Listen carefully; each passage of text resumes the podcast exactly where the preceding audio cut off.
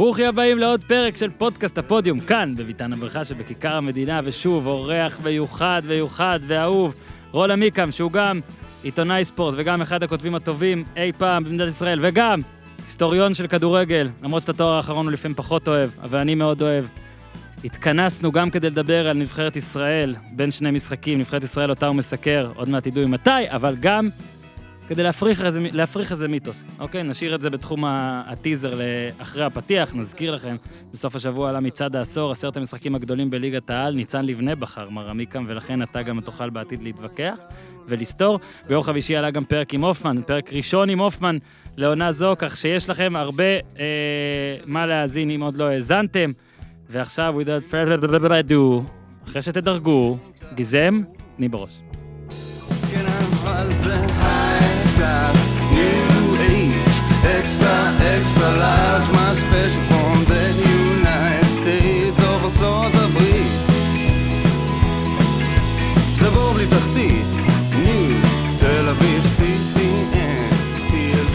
אז שלום רון עמיקם שמסקר את נבחרת ישראל מאז 1986, עת הייתי בן שלוש. יפה, ראית? אז אה, קודם כל אתה צריך לדבר הרבה יותר חזק, אני כל פעם צריך להזכיר לך. אגב, עמיקם היה פה כבר בכמה פרקים האחרון, ועוד לא, יהיה בפרק הייתי מיוחד. פר- פרק אחד. היית שניים. אתה רואה איך אתה שוכח? אפילו שלושה היית. השניים בוודאות אה, לא היית. ב... לא ב... לא, ב, לא באולם בלוקיישן החדש, הזה. לא, ב, לא בבלומפילד המחודש. כן. אבל הפרק האחרון שהיית גרם להרבה הרבה באז ברשתות על 20 הזרים הכי טובים. אה, קיבלנו נאצות, שאנחנו אוהבים נאצות, כל עוד הנאצות הן... אה, חכה לסוף סבירות. הפרק הזה. אה, כן, שמעתי שב... לא, אבל שמעתי גם שבשבועות האחרונים היה לך אה, פיוד מתוקשר עם אוהדי מכבי כשהייתי בחו"ל. גם על זה אולי אחרי זה תספר לי, אבל בסדר, אל תדאג, אני תמיד לטובתך. אני תמיד לטובתך מול קשר- כולם. בלי קשר אל בסופו של דבר, סרה. בלי קשר בסוף צדקתי. כן, צדקת. צוות רפואי והכל ושם, בסדר. אמ, ככה, עמיקם, אנחנו עוד מעט נסתור פה איזה מיתוס, שאני רציתי שתסתור אותו כבר המון זמן, ואתה תסתור אותו, והטיזר שאנחנו עושים הוא נהדר, אבל קודם כל בואו נדבר על המשחק האחרון, ולקראת המשחק, אנחנו מקליטים את זה ביום ראשון בצהריים, יום שני בערב, לילה, ישראל בסלובניה, אה, במשחק קשה. קראתי גם מה שכתבת לפני המשחק הזה, קראתי מה שכתבת אחרי המשחק הזה, אה, אני לא, מדבר על צפון. מקדוניה. אחרי המשחק לא כתבתי. בפייסבוק כתבת. בפייסבוק. בסדר, אני קורא, אני קורא פייסבוקים, בעיקר. עמיקם, בעצם, במה שאנחנו שותפים ומסכימים, זה שההגעה למשחק הזה, גם בחודש ספטמבר, ותומר יצחק אה, עשה על זה אייטם בוואלה, ו, וגם הסגל, שאני לפחות הגדרתי, ואולי אתה... אתה ספטמבר בעונה השנייה. כן, זאת אומרת, אתה מתחיל כן. קמפיין בספטמבר. גם בעונה הראשונה זה לא כזה טוב, אה? אבל... אה, לא, בעונה- כן, אבל בעונה השנייה זה ממש זוועה, זה כן, פשוט עונה חזר. שנייה של קמפיין, כי הקמפיינים שלנו תמיד מתחילים בסדר, כן. ואז מידרדרים. ואז... כן. ואז... ו- במיוחד. שדוחים לנו את בלגיה לאחר יפה, כך. אבל אבל- רגע, עמיקם, אני למשל מגדיר את זה, ואתה מסקר את הנבחרת קצת יותר ממני, כי כשהייתי בן שלוש עוד לא סיקרתי. לי זה, לי, מאז שאני רואה כדורגל, זה מרגיש כאילו זה הסגל במצב הכי בעייתי, היה, של הרצוג, זה, הסגל הזה, כאילו שאתה, נכון, זה תמיד ספטמבר זה קשה, ספטמבר עונה שנייה זה קשה, אבל כל כך הרבה שחקנים לא משחקים, או לא בכושר, אפילו זהבי לא שיחק משחק מלא מאז יולי, ואתה יודע, וטואט חדוזומן, עזוב, אבל דסה, לא- בלי קבוצה, משחק, וקיאל אפס דקות מאז פולין, ודאבור אפס דקות עוד מלפני פולין, מאז מאי, בלה בלה בלה, בקיצור. תנאי הפתיחה של הנבחרת כן. נוראיים. ועדיין אחרי המשחק, אחרי המשחק, ואולי זה בגלל זה, אני משתף אותך, אולי בגלל שאני מאוד אוהב את זה שיש פה צוות זר שפחות, אה, לא יודע, שודד את דעתי, אני לא יודע מה. כאילו, אני, אני לפחות רואה בתיקו מול צפון מקדוניה, משהו שבטח לפני שנתיים או ארבע שנים הייתי ממש מתעצבן על תוצאה כזאת, אז עכשיו התעצבנתי על איך שזה קרה, אבל התוצאה עצמה לא ממש התעצבנתי. כאילו, אני מצפה פחות, אולי. קודם כל אתה מצפה לפחות, יש בכלל איזשהו טרנד בציבור הישראלי שהוא אה, לא מינימליזם. באמת, לא, הוא לא באמת סופר את הנבחרת, הוא לא באמת מתעניין בנבחרת, הוא יש לו, הוא בא עם קיבעון שהכדורגל הישראלי הוא דיזסטר, ושהנבחרת היא זה בושה וחרפה, ואין בעיניו, אין קשר אם זה גוטמן או אלישע לוי או, או אנדי הרצוג או אה, אה, השד יודע מי. ולא שם לב לתמורות הקטנות, כן? התמורות הקטנות אתה ואני שמים לב, כי אנחנו היינו בנבח... בנבחרות וראינו מאמנים, ראינו איך זה עובד. עכשיו, זה כמו הסיפור עם ג'ק מנסל. ג'ק מנסל שהיה מאמן פה, קדנציה אחת, כן? והוא שיחק בבית האירופי אחרי ששיחקו באסיה במשך שנים, ואחר כך שיחקו באוקיאניה. הפסק זמן הזה, לקבל בית שבו משחקות סקוטלנד, צפון אירלנד, שוודיה ופורטוגל, תנסה לקבל את הבית הזה היום. אתה גומר אחרון. גם אז גמרנו אחרון, גם אז גמרנו אחרון, אבל לקחנו חמש נקודות בשיטה של שתי נקודות לניצחון. כן. ו- ובארבעה משחקים לא הפסידה הנבחרת, לא, למה ארבעה משחקים? אם היו שמונה משחקים, היא לא הפסידה בחצי מהמשחקים. שזה יפה מאוד. לנבחרת ש- שהגיעה מאסיה, כן? וידעו להעריך את זה רק שנים אחר כך, מה עשה פה מנסל, איזה שינוי הוא הביא, מה תפיסת המשחק, אותו דבר עם נילסן. הגדירו את זה ככישלון. אתה יכול להגיד לי היום איזה מאמן נבחרת היה יותר טוב מנילסן מאז? גרנט, כן? קמפיין שני של גרנט היה טוב, אבל שוב, זה היה מלא תיקואים. קמפ- מה זה קמפיין שני של גרנט? גרנט לא ניצח, לא כן, הפסיד לאף נבחרת, אבל לא ניצח אף נבחרת לא, עזוב, אני מסכים, מה זה מסכים? עובדתית, הוא לא ניצח, יפה. זה קמפיין טוב. ואתה תלך, קמפיין טוב, ואתה סיימת תלך עם אותו מספר- תלך- עם אותו מספר אתה נקודות, תלך כמו ותראה בשאלה. את המשחקים, היה לנו שם המון המון מזל, התחת של גרנט קלאץ'. עבד, הייתי בשני המשחקים, התחת של צרפת גרנט, ואירלנד, בהפרש של ארבעה ימים. גם אגב, גם, בדיר וסואן. כן, גם, ל, גם, ל, גם להרצוג יש אה, תחת, תכלס. אבל uh, אתה רואה דברים שהם לא היו קודם, שאתה אומר, אני מסתכל עכשיו, אני קורא, אם הוא יגמור מקום רביעי, נו. אז הוא לא בטוח שיחדשו, חמישי בטוח לא יחדשו לו, תגיד, מה, אתה הבאת מאמן אבל לשנתיים? זאת ישראל, זאת מה, אתה ישראל. הבאת מאמן לש... אתה- מה עוד מאמן זר אז הנה, לשנתיים? רגע, רגע, התפרצת, כאילו, דלת מה זה פתוחה. אחרי המשחק הזה, בשני אתרים לפחות, ואני לא פה, זה לא ביקורת תקשורת, הם הביאו תגובות שהם כנראה קיבלו. שני אתרים לפחות ראיתי, גורמים בהתאחדות ביקרו את הרצוג, על חילופים, על ניהול משחק והכל. בוא, אני אגיד, רגע, אגיד רגע, פה, רגע, רגע, רגע. גורמים בהתאחדות, כן? אין יו"ר.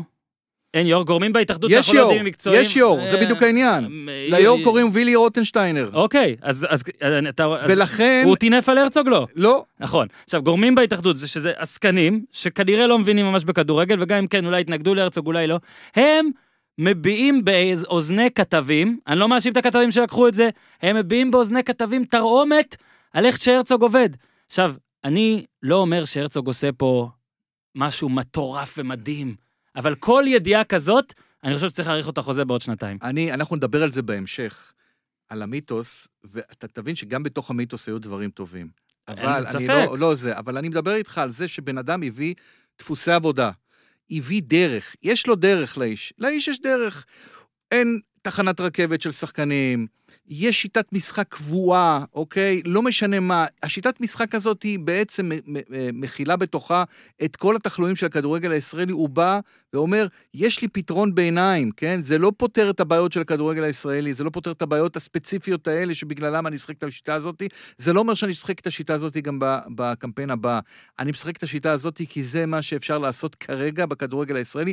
אני לא משנה אותה, כי אם אני מאמן נבחרת, לא משנים שיטה. מהמם. אם אני מאמן קבוצה, כל יום משהו אחר, כל שבוע יש משחק, דינמיקה, אפשר לעשות, יש מומנטום כזה, מומנטום אחר בנבחרת, המומנטום, הפסדת, עפת. בוא גם נזכיר שהרצוג הגיע לנבחרת ישר למשחק בו רק זהבי חזר, החטיא, נפצע, הפסד באלבניה, נסע בלי קיאל גם לצפון אירלנד, הפסיד שם במשחק ידידות, שברוב המדינות לא מעניין כלבים מתים, אבל פה קטלו אותו על ה-3-0 הזה בצפון אירלנד, שלא מעניין. גם אני קטלתי כן, אותו. בסדר, אין בעיה. אתה אבל קטלת ב- לא ברמה של... בוא נגיד, קראתי את הקטילה שלך אז, אני זוכר? זאת לא הייתה אני קטילה חייב אחרת. להגיד אבל רגע, משהו. רגע. ומאז, כאילו, עם הנקודת התחלה הכי קשה, ועוד לזר, ועוד ראיתי גם התבטאויות על זה שהוא עוכר ישראל, וזה דברים שממש קשורים לכדורגל והכל, הוא איכשהו איזן את זה. הגיע למצב שבו, שוב, ליגת האומות לא היה מדהים והכל, אבל הגעת למצב שבו משחק אחד אתה רחוק מכאילו איזה משהו, שאגב, עדיין בס... בגלל ה... בוא נגיד, המיקום שלך שם, אתה עוד יכול לחלום על איזשהו דבר פה, על איזשהו כרטיס נעלם ליורו, ואז בא, ובסדר, עשה תוצאות בינוניות, לא מדהימות, רק נגד אוסטריה היה מדהים, אוקיי, נגד פולין מן הסתם הפסדת, היית צריך, את לטביה היית צריך לנצח, וניצחת, והיו שני תיקואים שהם אין מה לעשות, מאכזבים מבחינת בוא התוצאה. נגיד עוד משהו, בוא נגיד, ב- בשלב הזה, בשני קמפיינים קודמים, היית כבר עם הפסד שהוא, אתה יודע, מקדוניה או סלובניה, היית מפסיד את המשחקים האלה. ועזוב, לא אתה. אתה מסתכל גם את ההרכב נגיד של אלישע לוי נגד מקדוניה, ומסתכל על ההרכב של הרצוג נגד מקדוניה, ששוב, אצל הרצוג יהיו ים בעיות. ואתה מבין את ההבדל. בוא נגיד את זה ככה, ושוב, מה שאמרת מאוד נכון, למלא מלא מאמנים, כשעשו גם שתי קדנציות, היו כל הזמן שינויים והכל, כאילו, נגיד גם גוטמן, כל הזמן היה מתראיין ואומר, למדתי מהטעות, למדתי מהטעות, למדתי... הוא עוד לא היה לו זמן ללמוד משום דבר. הוא בא למדינה חדשה ומנסה. ואתה יודע מה? אתה יודע על מה אני ממש ממש אוהב את הדרך שלו? על זה שהוא גרם לי להיות פחות אכפתי מהתוצאות, ויותר ליהנות מזה שיש פה מין משהו חיובי. עזוב, עכשיו זה יש כאילו יש משהו קלישאתי, אבל. תוצאות לא יש- היו פה אף יש פעם, אז משהו מה... אחר, יש משהו אחר. תחשוב על המשחקים, משחקים בק- בקמפיינים קודמים, שבהם אנחנו לא עושים כלום במגרש. כלום, עושים Mhm. כלום. אין שום נקיטת יוזמה, אתה, אתה עושה טעויות, אתה כל הזמן, גם פה היה, גם במשחק נגד צפון מקדוניה היו טעויות, אתה- אתה- ואתה, ואתה. מצאת את עצמך לפעמים בלחץ בתוך הבית שלך, אבל כל, כל הזמן הקונספט הוא לנסות וליזום ולצאת ולעשות התקפות ולהיות יותר דומיננטי מהיריב שלך, בוודאי בבית. זה משהו שלא ראינו כמה קמפיינים. היה, היה, הייתה תקופה שבין ההפסד 3-1 לפינלנד ב, ב, בקדנציה הראשונה של שלמה שרף, אה, מה זה היה, חודש אחרי הפארק דה פרנס, הפסדנו לפינלנד, ועד להפסד 5-0 בדנמרק, היה לנו רק הפסד נגד ספרד, בבית. נכון. משהו כמו, כמה זה? שש שנים. וואו, שש. שנים הפסד בית אחד. כלום, ולספרד. וגם כן באיזה משחק שהובלנו בו. מה זה, אלון חזן? אלון חזן, כן, כן, כן. כן, כן. הובלנו בו במשחק הזה, וקיבלנו את הגול מיירו. זה. זה רק מראה לך שההרתעה של הבית הישראלי, הבית, זאת אומרת, כאילו משחק בית בישראל, זה משהו שאנחנו, ברגע שנחזיר אותו, כל הגישה של, ה, של הקהל הישראלי יכולה להשתנות, למרות שנעשה נזק. זה נזק שהוא במקביל לכך שהצופה הישראלי לא אוהד כדורגל ישראלי. אבל בקמפיין הזה, הוא לא אוהד כדורגל נכון, ישראלי. אבל דווקא בקמפיין הזה, האחרון פה, של הרצוג, עכשיו הייתי בבאר שבע, היה גם כמות וגם איכות. ובחיפה גם, נכון, פעמיים, גם נכון. בתיקו נגד סלובניה, ובטח כבר- מול אוסטריה שגם כבר מצליח. שרים שירים אחרים. וזה, כבר. ושוב, זה ייקח זמן, אבל כן יש הרגשה, יודע מה, אפילו ברמה של אוהדים לא האמינו למאמני הנבחרת הקודמים, וראו את זה, והשחקנים לא האמינו למאמני הנבחרת הקודמים, וראו את זה, והאוהדים והשחקנים עכשיו כן מאמינים במאמן הזה, ואני לא אומר שאין שחקנים מורמרים, בכל מקום יש, בטח בנבחרת שבה זה רו- רוב השחקנים בנבחרת, זה כוכבים שלא משחקים. כי על, כשהוא יוצא חמש, חמש פעמים כמחליף, בטוח קצת מבואס מזה. דאבור, אני ישבתי ליד הספסל, דאבור התעצבן על החילוף, ראו את זה, אוקיי? ברור שיהיו מרמורים, כי, כי השחקנים שמוציאים, כאילו שחקנים שבקבוצות שלהם לפחות, אתה יודע, או שמשחקים במדינות ממש טובות, או שכוכבים במדינות פחות טובות. וזה קשה מאוד לצאת, אבל לא יודע, אני, אני מרגיש ש... מה זה מרגיש? אני חושב שהרצוג צריך לקבל עוד קמפיין, לא משנה מה הוא עושה פה. לא משנה מה הוא עושה פה, שוב, ברור שאם עכשיו יהיה פיאסקו, ארבעה הפסדים, ארבע אפס, שחקנים יוצאים לגמרי, הכל אולי יהיה עדיף שלוט, אבל זה דברים שאתה צריך להגדיר. ואני אומר לך, למשל, הנה, נגיד זהבי, וכתבתי את זה, זהבי לא היה חוזר לכל מאמן ישראלי, הוא כנראה לא היה חוזר למאמן ישראלי בכלל. אני יודע על מאמנים ישראלים שדיברו איתי, ואמרו לי שהם לא היו מזמינים אותו.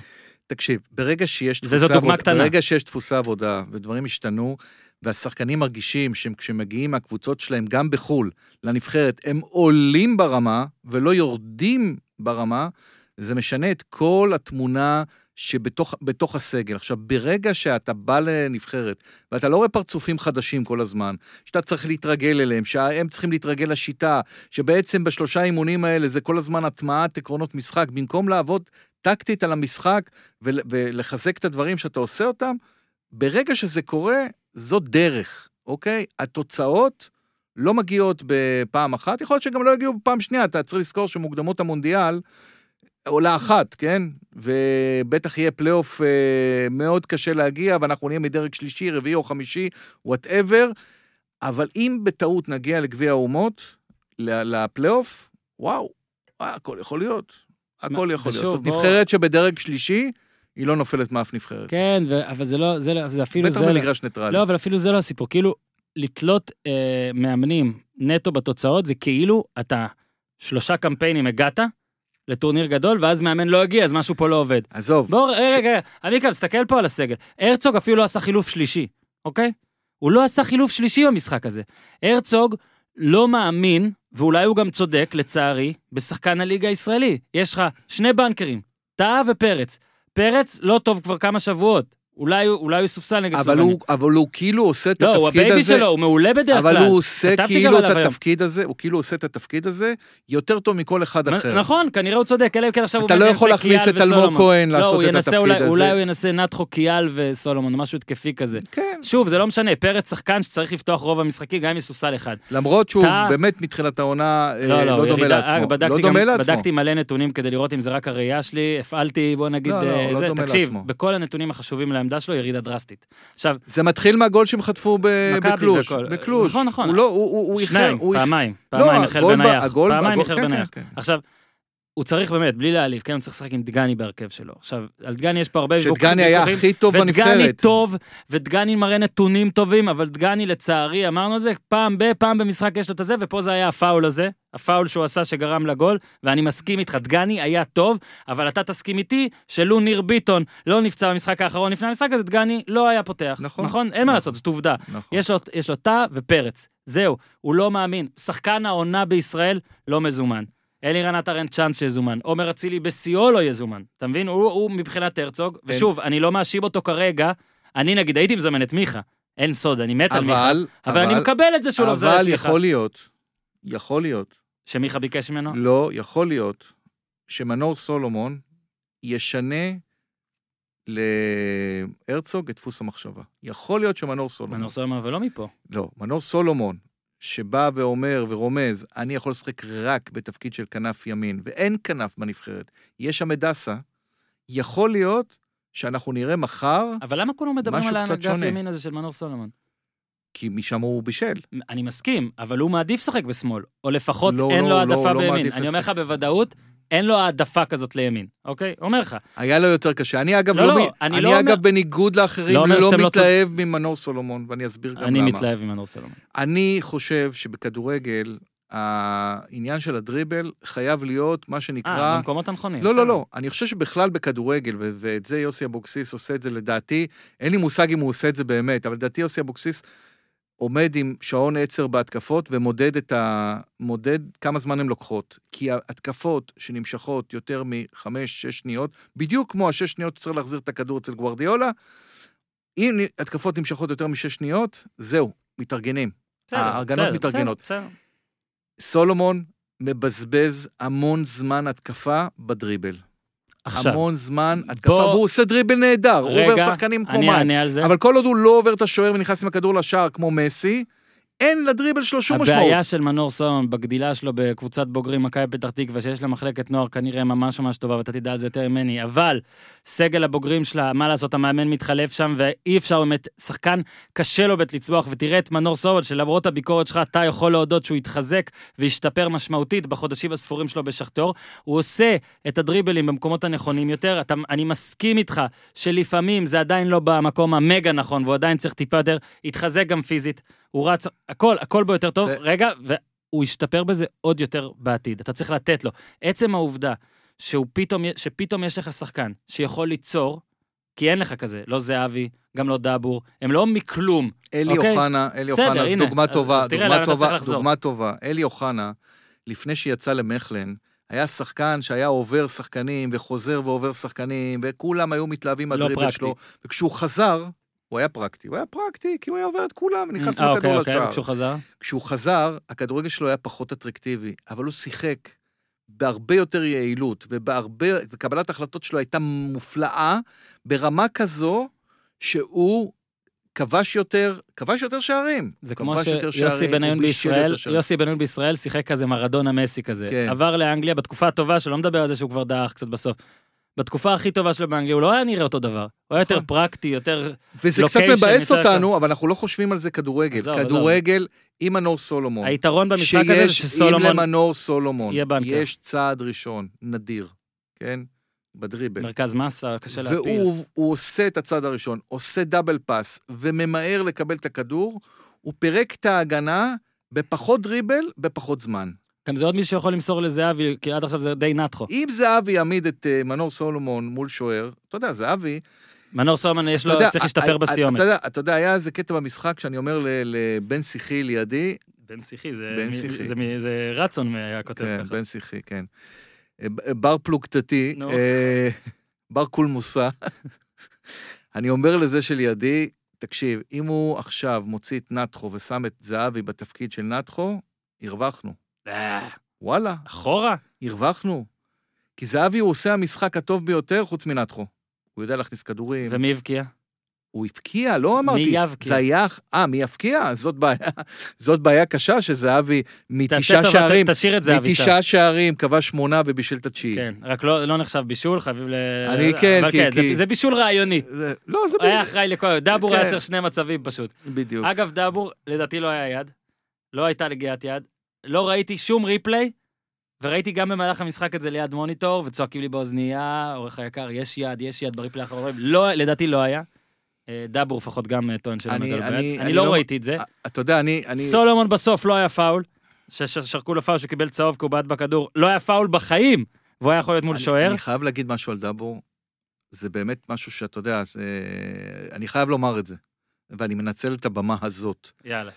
רק אל תגרום שיתבעו אותי. לא, תקשיב, אה, במשך שנים קטלו פה את ערן זהבי, שהוא לא מגיע לנבחרת. אני מזכיר שזהבי התחיל את העונה שעברה עם שישה שערים בנבחרת, היום יש לו כמו תומר חמד, הרי השוו את זה תמיד תומר אה. חמד, יש לזהבי כבר 16 שערים, נגד יריבות טיפה יותר טובות מאלה שחמד כבש. דאבור לא מגיע לנבחרת. לא מגיע לנבחרת. שני שערים בנבחרת נדמה לי. אנדורה ו... עכשיו לקחו לו שניים, כן. או שלושה, שלושה יש לו, הוא כבש גם נגד פרגוואי. לא פרגוואי, גואטמלה. אין, אתה מבין, הוא כאילו חסין באופן דרמטי, בהשוואה לשחקן, אתה יודע, שבאמת, כאילו... אז אני- באלף ואחד... אני אענה על זה, אני חושב, קודם כל, זה דווקא טוב שאתה אומר לי את זה, תראה, אני, הקו הגנה שלי, כאילו, על הנושא של זהבי, וזהבי לא היה טוב בנבחרת, ציינת גם עובדה נכונה. לא שהוא רגע, לא רגע. היה טוב, הוא לא היה הוא לא זהבי. עשה את המספרים שלו. ולא היה קרוב ויש גם. לזה, ויש לזה זה, אבל הוא היה לא רע בחלק מהמשחקים. ואז אני טענתי, וזה גם מה שאני טוען עכשיו על דאבור, אף אחד לא היה טוב בנבחרת.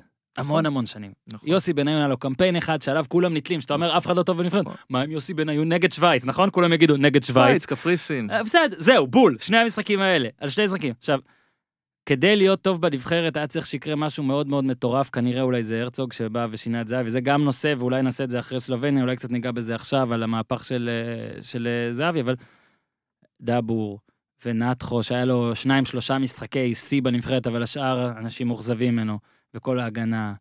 וגם, אתה יודע, קיאל, אתה רואה הרבה דריבלים ולחימה נגד סקוטלנד, היה מדהים וזה, אבל אין לו איזה 30 משחקים, ואני אומר תמיד, תבין, זה הנבחרת. אחרי זה אתה בא ואומר, למה הנבחרת? הנבחרת לא מצליחה. אם נגיד רק זהבי לא היה טוב בנבחרת, ניחא.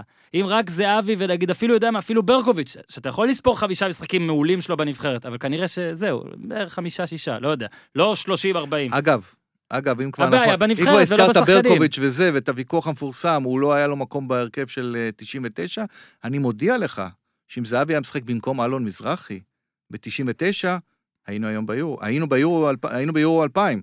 אני מתלבט אם כאילו להעלות את זה, כי תראה, אלון מזרחי, וכתבתי את זה לפני... חלוץ ענק, חלוץ ענק. מלך הכיבושים בליגת העל, שזה אגב גם קצת אה, סמל אי הצלחה, כי הוא נשאר בליגת העל כמות שנים. עכשיו, אתה זוכר בעל פה כמה? 200, 100, 206. 206. כמה עונות? 15?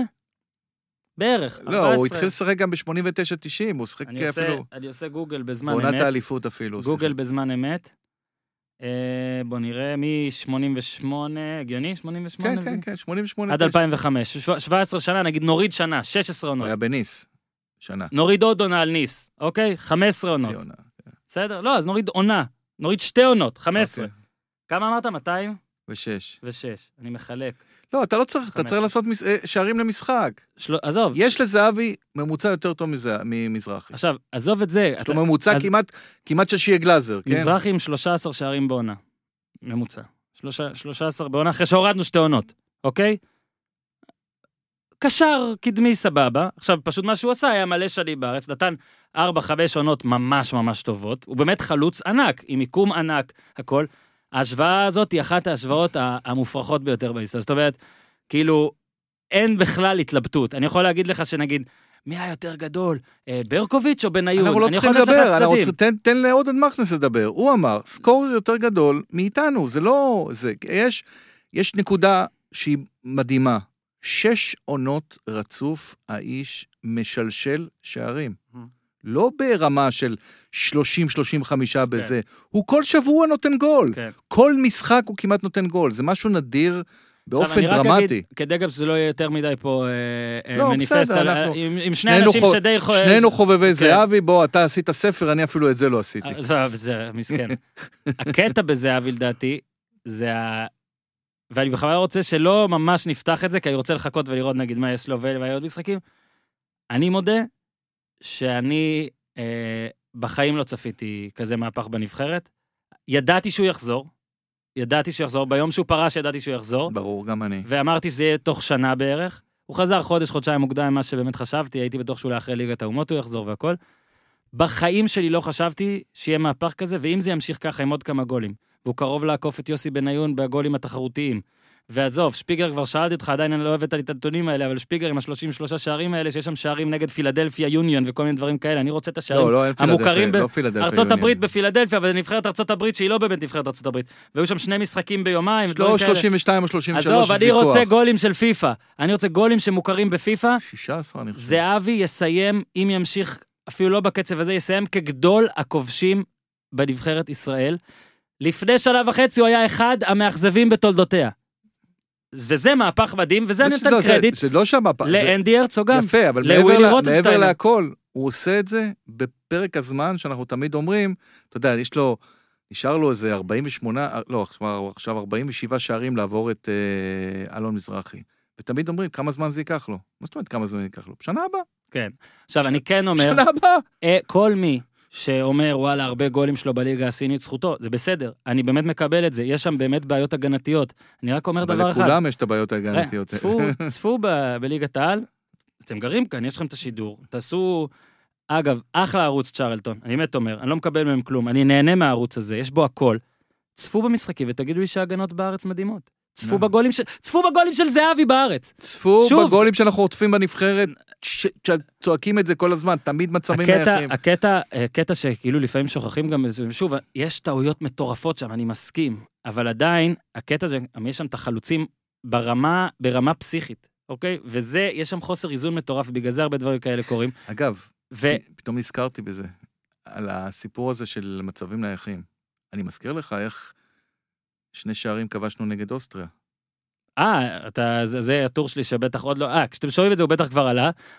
גם בקמפיין הזה זו קלישה שהפר- שהפרחנו, כי רק ספגנו. זהבי, רק זהבי. בסדר, רק זהבי כבש. זהבי, רק זהבי הפריך את זה. נטחו מסר לו נגד אוסטריה ממצב נייח, אה, זהבי כבש בעצמו מבעיטה חופשית נגד לטביה, והיה גם נגד סלובניה מקרן שייני האם- פתח רגליים או האם מישהו עוד כזה. מישהו היה כובש ככה? לא יודע, אבל כנראה שאף אחד לא היה כובש בכלל. הסיפור הוא שספגנו שניים מן היחיד וכבשנו שלושה. כן. אז זה לא שהרעה החולה של ישראל היא באמת מצבים נייחים, היא כל השאר.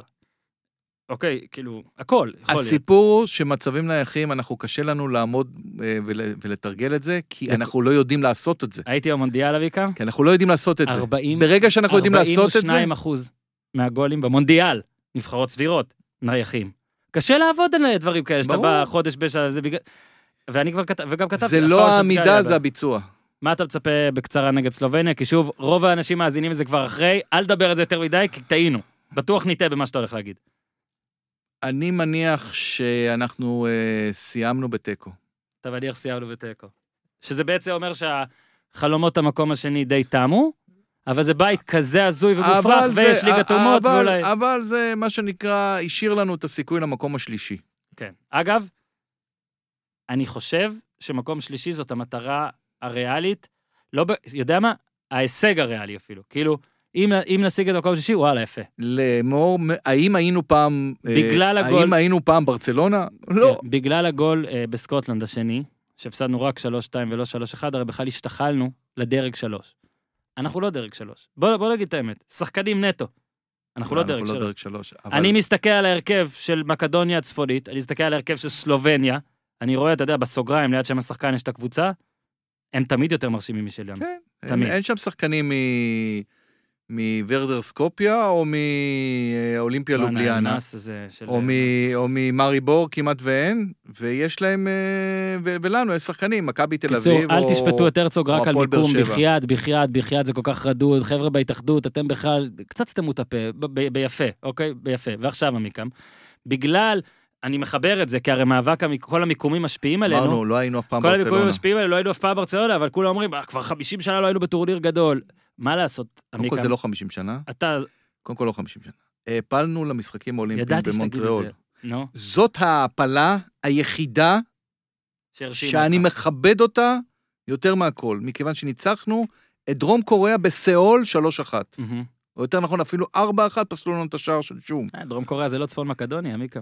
דרום קוריאה, ת- לך תנצח, אתה יכול לנצח היום בדרום קוריאה? 3-1? היום עם נבחרת לא- ישראל? יהיה מאוד קשה לנצח. לא, גם אז לא היה. גם אז היה קשה. אה, אני רוצה להסביר לך, אז רגע, רק מה שבוא נסביר. שנבחרת ישראל ב-76, כן, שעלתה, זה היה שנתיים וחצי אחרי שהיא הפסידה לדרום קוריאה.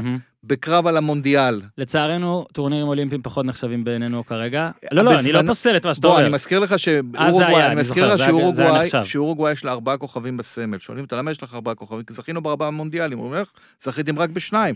כי ב-24 וב-28 לא היה מונדיאל, אז המשחקים האולימפיים היו המונדיאל. גדול. הקטע שיש מקרים ויש דברים בנוסטלגיה, עכשיו אני אומר את זה עליי, לא עליך, כי אתה כן אז בתקופה ההיא כבר היית בן אדם שמבין עניין, יודע לראות, אה, הדברים קרו, 70. היית יש- כבר, היית כבר איש עם מוח מתפקד, אוקיי? הייתי בן חמש. אתה מבין? לא, אבל אני אומר, אז ואז היית נגיד בן 9, בן 11, אתה כבר חיברת אירועים. התחלת לסקר ב-86, אוקיי? מקסיקו 70 זה בעיניי לא, אניגמה. לא, עזוב, אני לא מדבר. מקסיקו 70 זה בעיניי אניגמה, שלא הצלחתי להבין אותה, ואני חושב שאחרי תחקיר מעמיק, אז זהו, תן לי רגע, תן לי, זה מה שאני רציתי להגיד. היית כבר, אה, בוא נגיד, בחיים, בזמן שזה קרה, והיית כבר במצב של אה, אה, שכלתניות, אה, שכלתנות, כשניסית להתחקות אחרי הדבר הזה, ודיברנו על זה הרבה פעמים. והרפרנס של כל הכדורגל הישראלי הוא ה-1970 הזה, 1970, והרבה אנשים תמיד יש להם את הקטע של פעם היה פה הרבה יותר טוב, ועלינו למונדיאל ב-70 והכל. יש פה גם מיתוס. אגב, זה מיתוס שיש גם לזכייה של מכבי תל אביב ב-77, אוקיי? היו צעדים ש... שוב, היו דברים אדירים שהיא עשתה, ומיקי ברקוביץ' הגדול, ואת הניצחון בווירטון. זה מאוד מזכיר את... היו דברים שם, קראתי גם בספר מזכיר- של גרינוולד, היו שם קפיצות בגלל קבוצות שלא באו. זה והיו- מאוד מזכיר, זה מאוד מזכיר, אז עכשיו, רגע, זה מאוד מזכיר את הזכייה של מכבי תל אביב, ואני אסביר, אני אסביר אותה. העלייה לגמר גביע אירופה ב-77 של מכבי תל אביב נבעה מכך שארבעה מתוך עשרת המשחקים נערכו נגד צסקה, נערכו, סליחה, נערכו במרכאות נגד צסקה, מוסקבה וזבריובקה ברנו. עכשיו, שני המשחקים שנועדו להיערך בארץ, לא נערכו, זה היה 2-0 טכני למכבי תל אביב. זה שני משחקים שמן הסתם אם היו מארחים אותם, כנראה שהיו אולי מפסידים את המשחק נגד צסקה. כנראה, למה? אני אסביר את זה. כי, אם- כי את המשחק הראשון בבית הגמר, הם הפסידו 23 הפרש למוביל ג'ירג'י ורזה, בגומלין 11 הפרש הפסידו, ובגמר הם ניצחו את מוביל ג'ירג'י ורזה, הרי זה הזוי. זאת הייתה קבוצה שהתקדמה. עכשיו, הגומלין היה בווירטון ובוולודרום, או אני לא יודע איך קראו ל- היה גם איזה לעיירה משחק הזאת. שלא התקיים או משהו. לא, איזה- לא, היו שניים שלא התקיימו שניים. בארץ, ואת שני המשחקים... לא, היה אחד שגם בכלל... שני, אה, לא, את שני המשחקים שהיו אמורים אה, הסובייטים והצ'כוסלובקים לארח, הם לקחו את זה לבלגיה. מהמם. אוקיי, שמי שארגן את זה היה יהודי, ליאון ונדל, הוא סידר כאילו אולמות כאלה של אה, רק מכבי יכולה להרוויח מזה. והיא באמת הרוויחה, היא ניצחה את שני המשחקים. ויפה מאוד אגב, כן? יפה. בוא נגיד שאין לנו יותר היא מדי הישגים כדי במדריד, לזלזל, היא אבל זה... הפסידה במדריד, היא הופסה נגד מוביל ג'ירג'י ורזה בארץ, הפסידה גם נגד זה, אבל היה לה ארבעה ניצחונות מארבעת המשחקים האלה, מה שלא היה לה כנראה אם זה היה קורה בית חוץ ב- ב- ברשמי. ו... וזה עכשיו, זה מביא אותי למקסיקו ל- 70. ש- מקסיקו 70, כן. הדרך למקסיקו 70 היא, אני רוצה להגיד קלילה, אבל היא פשוט הזויה באופן אה, דרמטי, לעומת ההופעה שלנו במקסיקו 70, שהייתה מאוד מאוד מכובדת, ואני תכף אסביר. עכשיו, בכלל כל ההוויה הזאת של מקסיקו 70, מונדיאל, אני כל פעם צופה בקטעי וידאו המועטים של, שיש מהתקופה הזאת, אתה רואה שחקנים שהשמחה שלהם מאופקת. עלייה למונדיאל לא הייתה כמו שהיא היום. אם היום היינו עולים למונדיאל, או, השחקנים היו בטירוף מוחלט. ערומים מש- חודש. בדיוק, משום שהם שחקנים מקצוענים. בתקופה ההיא, לעלות למונדיאל היה תיק. תיק. לשחקן שעובד בארץ בעבודה קבועה, זה היה תיק. בכלל, כל הסיפור הזה של נבחרת היה תיק, זה היה תיק בפני עצמו. זה לא היה פה איזושהי גאווה לאומית יוצאת דופן, כי אנחנו נמצאים ב-1969, שנתיים אחרי מלחמת ששת הימים. בוא, זה פרופורציות. זאת גאווה לאומית. כן. עכשיו, אה, העלו לסטוריז כל מיני. עכשיו, אני רוצה להסביר לך. ב-58 עלינו למונדיאל. מי שלא יודע, לנעול למונדיאל. לא איראן, לא אפגניסטן ולא אה, אינדונזיה הופיעו למשחקים. ואז באה פיפ"א ואמרה, רגע, רגע, נבחרת עולה למונדיאל בלי לשחק? מה זה הדבר הזה? ואז החליטו, בצעד אה, יוצא דופן, שיהיה אה, הגרלה בין כל הסגניות של הבתים באירופה, שאחת מהן תשחק נגד ישראל. אחת סירבה, נדמה, לא זוכר מי זאת הייתה, אני חושב שזו הייתה, אחת סירבה, ומי שקיבלה את, ה, את הזכות הייתה ווילס, שהגיעה, ו-2-0 ברמת גן, 2-0 בקרדיף, אחרי משחק הירואי של חודורוב, והם עלו כמעט עלינו. אנחנו, עכשיו, ב-62, כן, אנחנו מגיעים למשחק מכריע למונדיאל מול איטליה. איטליה, כן? אנחנו מובילים 2-0 במחצית ברמת גן במשחק הראשון. בוא, תחשוב, בפרופורציות, לעלות למונדיאל לא היה כזה בשמיים. לא היה כזה לא היית בשמיים. צריך המון משחקים גם. לא היה צריך הרבה משחקים. עכשיו אני אסביר. למוקדמות מונדיאל 70, קודם כל במונדיאל 70 הופיעו 16 נבחרות, לא כמו 32 היום, או כמו 48 שיהיה ב-2026. 75 נבחרות בלבד נרשמו. 75, היום זה 206 נדמה לי, או 212, 75, 29 מאירופה, היום יש 55 אה, אה, אה, נבחרות באירופה שמשחקות במוקדמות, אז 29 מתוך 75, תוסיף את ה-10 נבחרות של דרום אה, אמריקה, זה 39, אוקיי? אנחנו מדברים על למעלה מחצי רק מאירופה ודרום אמריקה. כאשר אה, פיפ"א מחלקת כרטיס אחד למרכז אמריקה, שהיא המארחת עם מקסיקו, זה בעצם שני כרטיסים. כרטיס אחד לאפריקה, היסטורי, כן? וכרטיס אחד לאסיה אוקיאניה, כלומר של- שלושה כרטיסים לדרום אמריקה וכל השאר לאירופה. כרטיס אחד לאסיה אוקיאניה. כבוד. יפה. כמה נבחרות נרשמות לאסיה אוקיאניה? בוא תעשה היום, תיקח את ונוטו ואת ניו קלדוניה? ופיג'י ומיג'י ופיג'י וזה, וניו זילנד ועניינים וזה, ותוסיף לזה את אסיה, ששם משחקים בהוטן וזה, כמה נבחרות יש שם? 70? יכול להיות. אני לא לא רוצה לטעות, אני מפחד לטעות. נרשמו שבע נבחרות. רגע, לא. אני, אני, אני, אני מתקן, נרשמו שש נבחרות. הנבחרת השביעית הייתה רודזיה, היא בכלל מדינה ב... סליחה, סליחה. זימבבואה? מה זה? זימבבואה. היום זה זימבבואה, אז זה רודזיה, מדינת חסות של דרום אפריקה, שבעצם יש בה משטר אפרטהייד. עכשיו, בגלל החרם של פיפ"א על משטר האפרטהייד, דרום אפריקה בכלל לא בפול. רודזיה צריכה לשחק בבית האסייתי-אוקיאני כמה שנקרא בשלב השני. יש שש נבחרות מאסיה ואוקיאניה. מחליטים שעושים ככה, עושים שלושה שלבים.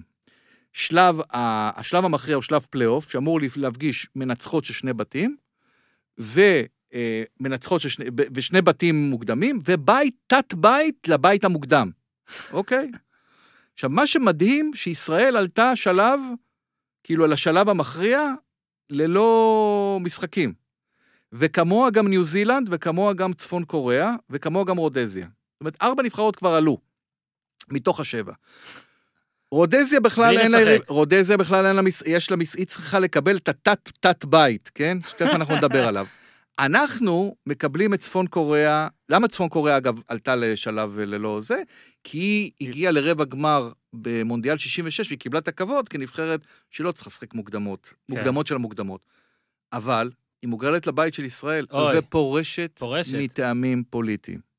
בתת בית, היריב היריב האיראני. בתת בית מרכזים בסיאול את דרום קוריאה המארחת, יפן, שהיא מדליסטית הארד ממקסיקו סיטי 68, והקנגרוז. ואוסטרליה, הסוקרוס. אה, עכשיו, שים לב, אנחנו צריכים לשחק עם ניו זילנד שני משחקים. כן, כי אין צפון קוריאה. הניו זה בית של- זילנדים- אז רגע, זה- רק נסביר. שנייה. כי אתה שולט בזה. זה בית של שלוש נבחרות. שבעצם נהיו שתיים. ישראל, ניו זילנד וצפון קוריאה.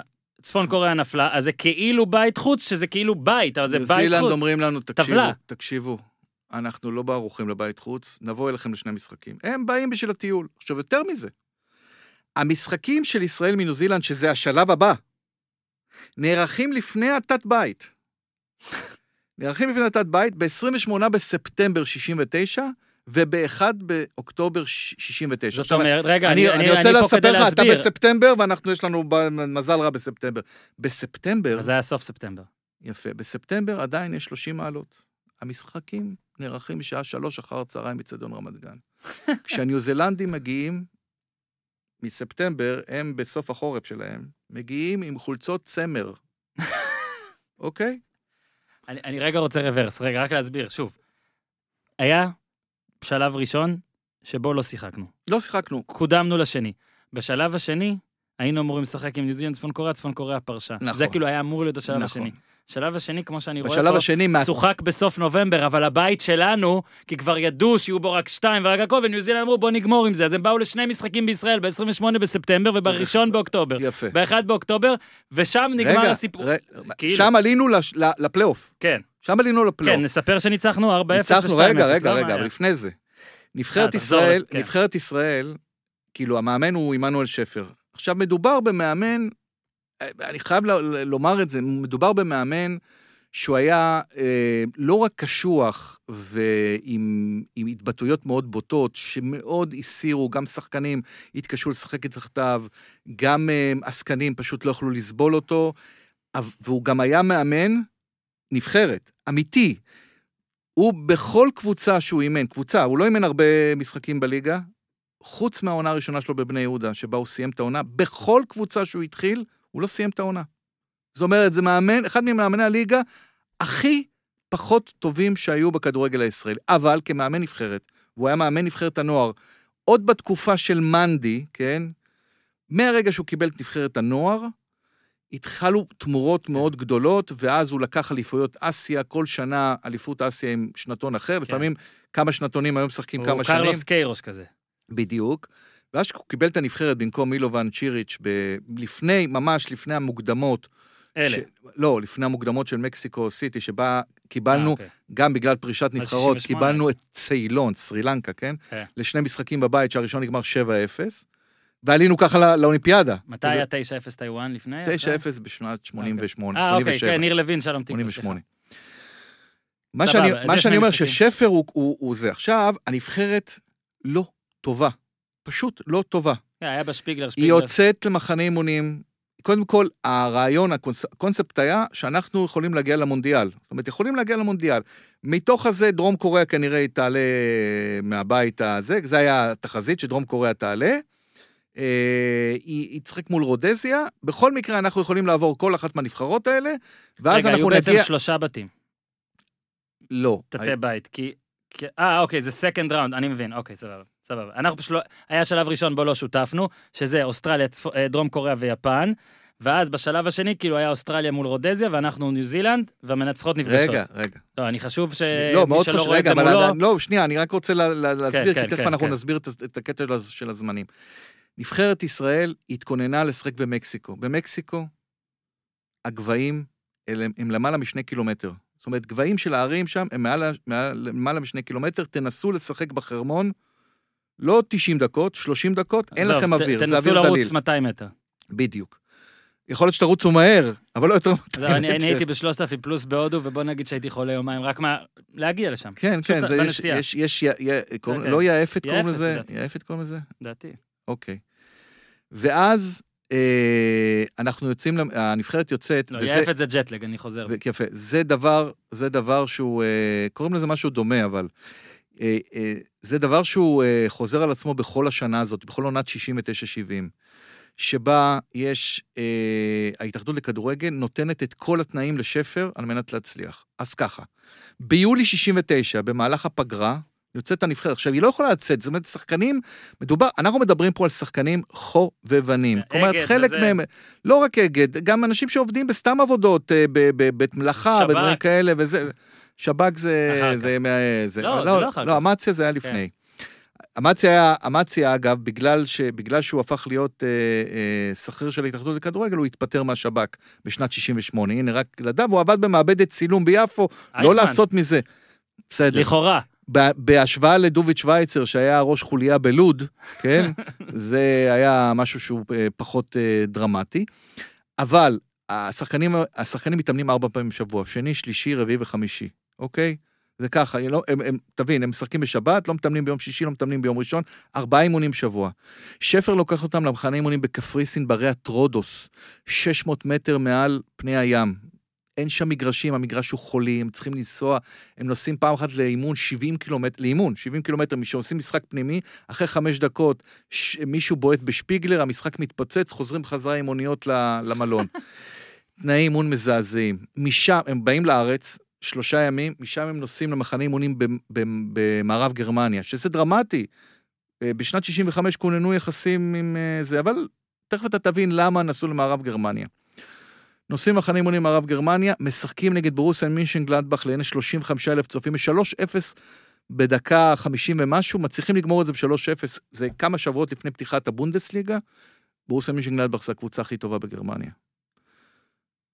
משם נוסעים למשחק אימון נגד שוודיה בשטוקהולם, מפסידים 3-1, נראים לא רע.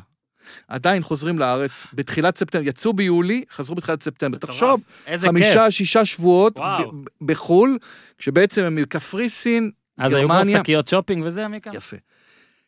הם שם עובדים, אימון, ריצת בוקר, אימון בוקר, אימון אחר הצהריים. מדבר איתך על, על אה, שחקנים. שהתאמנו ארבע פעמים בשבוע. כל הדפוסים משתנים, פתאום יש רופא לנבחרת, פתאום יש פיזיותרפיסט לנבחרת. בבן ציון ז'אק זה הרופא, אה, שפורין הוא המעשה, יש ראשי משלחת, תקשיב, יש כמה, יש את הסיפור המפורסם, אגב, בקפריסין, ששיחקנו שם נגד איזה נבחרת של, אה, כמו שהיו קוראים לזה פעם, נבחרת של מלצרים. והמשחק נגמר 20-0. ונוחתים בארץ, והיה, לנבחרת היה בעצם דובר לא, לא רשמי. איש יש יחסי הציבור של הנבחרת, קראו לו מוטלה שפיגלר. ואז העיתונאים רצים בשדה התעופה בלוד למוטלה שפיגלר ואומרים לו, כמה כמה נגמר. עכשיו, נגמר 20-0. אז הוא אומר, אין לי מושג כמה כמה נגמר, אני יודע שאני הבקעתי שני שערים, ושיהיה פייגנבוים הבקיע את השער, וזה היה נכון. הוא הבקיע שני שערים, שיהיה פייגנבוים הבקיע 18. חי. 18 הבקעתי חי גולים. מי שלא זה רוצה להיות פה וולקאם, זה אה? אגדה, שכל פעם שאני. אומר זאת אגדה, אנשים באים ואומרים, היה, היה, היה. עכשיו, אני, אני חושב שלא היה, אבל אתה יודע. אנשים לפעמים מאמינים יכול. להיות שזה היה 16, אתה יודע. תש- תקשיב, עכשיו, הנבחרת עוברת את, אה, את אה, ניו זילנד, ובעצם עולה לשלב הבא, שהוא בדצמבר. עמנואל שפר נוסע רגע, לסיאול. תספר שנייה, עוברת את ניו זילנד, היה 4-0 ו-2-0. 4-0 ו-2-0, שהמשחק הראשון, הגול הראשון היה בערך בדקה 57. זאת אומרת, במשך כמעט אני רואה שעה, 48 פה, אבל זה ויקיפדיה. 48, לא משנה, בסדר. שפיגלר, שפיגל, צמד של שיה. כן. ובמשחק במשחק הגומלין, משחק- שגם הוא נערך באותה מדינה היה- ובאותו אצטדיון, שפיגלר ושפיגל. במחצית הראשונה. כן. כלומר, 6-0 במחצית ראשונה, יש סיכוי שתעבור. לא, לא, לא, לא. אבל, אבל ב-4-0 אתה ראית את כל התחלואים של הנבחרת. נבחרת לא שיחקה נגד נבחרת חובבנית עוד יותר ממנה, מהמם. שבאמת הגיעה בשביל הטיול. עם חולצות צמר ב-30 מעלות, בשלוש אחר הצהריים, ולא הצליחה לתת גול. אוקיי. בסוף נתנה את הזה, ואתה יודע, עלתה לשלב הבא. עמנואל שפר נוסע ב... ב... לסיאול בתחילת אוקטובר, לרגל. אני מת על זה. והוא באמת מרגל שם אחרי זה, אבל שם קורית הפתעה גדולה. אוסטרליה מנצחת במשחק הראשון את יפן 3-1, מנצחת במשחק השני את דרום קוריאה 2-1, אחרי שהייתה בפיגור 1-0. כן, דקה 82. ולמעשה, היא מעקרת את כל הדברים האחרים אחר כך, גם יפן לוקחת נקודה מדרום קוריאה, כן. ובמשחק האחרון, גם, גם אז היא משווה, ודרום, ואוסטרליה עולה. אבל שפר ראה אותם, והכל בסדר, והכל נחמד. ואז האוסטרלים בנובמבר נוסעים למוזמביק כדי לשחק, אפילו, אפילו רודזיה לא יכולה לארח בבית. כן. נוסעים נזכיר, למוזמביק, זה כאילו השלב שבו הם מקבילים. אלינו, אבל לא, זה השלב שלהם כמו ששלנו עם ניו וזה זילנד, בנובמבר. רק שהם משחקים חודשיים אחרינו. זה בנובמבר. כאשר ידוע שישראל עלתה, לכן המשחק הראשון נגד אוסטרליה או רודזיה הוא ב-4 בדצמבר 69 באיצטדיון רמת גן. כאשר המשחק הראשון הוא 23 בנובמבר. עכשיו אני רוצה להסביר משהו. בתקופה ההיא אין פנדלים. אין הארכות, זאת אומרת, אין הארכות ופנדלים, מה שקורה זה שאם בשני המשחקים, בעצם שתי הקבוצות משיגות את אותו מספר נקודות, לא משנה הפרש השערים. עוד משחק. אתה יכול לנצח 6-0 ולהפסיד 1-0, יש משחק שלישי במגרש נייטרלי, כן? כאשר שם, רגע, שם יש 120 דקות, אבל אם אין הכרעה ב-120 דקות, יש הטלת מטבע, אוקיי? יפה מאוד. ואז, אתה הולך, ש- רגע, אתה שם אתה- לב שאני לא מסתכל בדפים. לא, אני שם לב שאתה לא מסתכל בדפים, אני נראה לי שמה שאתה הולך לספר לי זה שחמישה ימים לפני המפגש החשוב של ישראל רגע. נגד אוסטרליה, אוסטרליה סיימה את המשחק השלישי נגד... ב-120, לא ב-120 דקות, היא ניצחה 3-1. זאת אומרת, היא שיחקה, רגע, 270 דקות נגד רגע. רגע, היא שיחקה ב-23 בנובמבר, היא שיחקה גומלין ב-27 בנובמבר, יומיים אחרי ה-27 בנובמבר היא משחקת תקשיב טוב, היא משחקת נגד אה, רודזיה, משחק שלישי באותו מקום, מלורנצו מרקש מנצחת 3-1, זה שבת, שבת. עכשיו צריך ככה, מלורנצו מרקש צריך לטוס ליוהנסבורג, מיוהנסבורג צריך לטוס לניירובי, מניירובי צריך לטוס ל... ללוד, אוקיי? אז זאת אומרת, יש לה עוד יום טיסות. בלי אימונים, בלי זה, מה, יותר מספיק. ביום חמישי היא צריכה לשחק ברמת גן. אוסטרליה, אחרי שלושה משחקים, שלושה משחקים... ימים. אני מדבר. איתך, מדבר איתך על ארבעה משחקים ב-11 יום, כן. עם המשחק ברמת אגב, גן. פאנפקט, השופט אה, בניו זילנד, אה, ישראל, כך כתוב שפה בישראל הוא היה איראני. בסדר, אתה יודע, תכף אני אספר לא, לך... אז זה גם, תכף אני כן, על אספר לך השוק, על סיפורים. השוק בטהרן, נו, לא, בסדר. אני אספר לך סיפורים יותר טובים. בקיצור, ארבעה אתה בדצמבר, יודע, שאתה- אני אגיד לך את זה לפני שאני זה, אנחנו טסנו ל... ל- נבחרת ישראל טסה לאוסטרליה. אה, עם אוחנה. אה, לא, לא, טסה לאוסטרליה דרך טהרן וחזרה דרך קאבול. אבל, רגע. קאבול זה אפגניסטן. כן, רגע, כן, רגע, כן. רגע, רגע, רגע, אוקיי, רגע. אוקיי, לפני אוקיי. המשחק השלישי. שפר נכנס ללחץ. וואלה, פעם 0-0, 1-1, מה קורה? מה קורה אם רודזיה עולה? הוא אני לא ראה אותם. לא ראיתי. מבקש מההתאחדות. עכשיו, ההתאחדות נתנה את הכל. כן, לא היה את זה הרי באתרי הסקאוטינג. להתאחדות היה, סגן יושב ראש ההתאחדות, היה בחור בשם אה, ברים. למה זכר? למה שכחתי את השם הפרטי שלו? אה, הוא היה איש הפועל רחובות, אבל נציג בעצם מרכז הפועל, והוא היה אה, טיפוס מאוד ממולח, הוא, אה, אה, הוא נהג על... אה, צבי ברים. צבי ברים, כן. הוא נהג על מכונית פלימות' ברקודה, בימים שהיו מוסטנגים. אם מי שראה עכשיו את הסרט, היו זמנים בהוליווד, רואה את כל המכוניות הפתוחות האלה. רגע, אני עוד צריך לראות את זה. פלימות' ברקודה, היה לו משקפי מולטיפוקל כאלה, אתה לא יכולת לראות את העיניים שלו, הוא היה סוג של... די, הגדירו אותו כצלופח, אבל האיש היה חזק.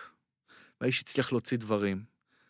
ואת הנסיעה של שפר ללורנסו מרקש, הוא לא אישר. איי, איי, איי. ושפר, רעדו לו הרגליים. מה קורה עם רודזיה מנצחת. אם רודזיה מנצחת? לא ניצחה. אבל לא ניצחה, והוא ראה את אוסטרליה.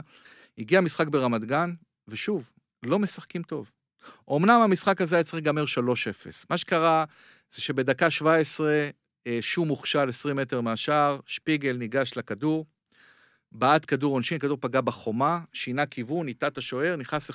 גול עצמי.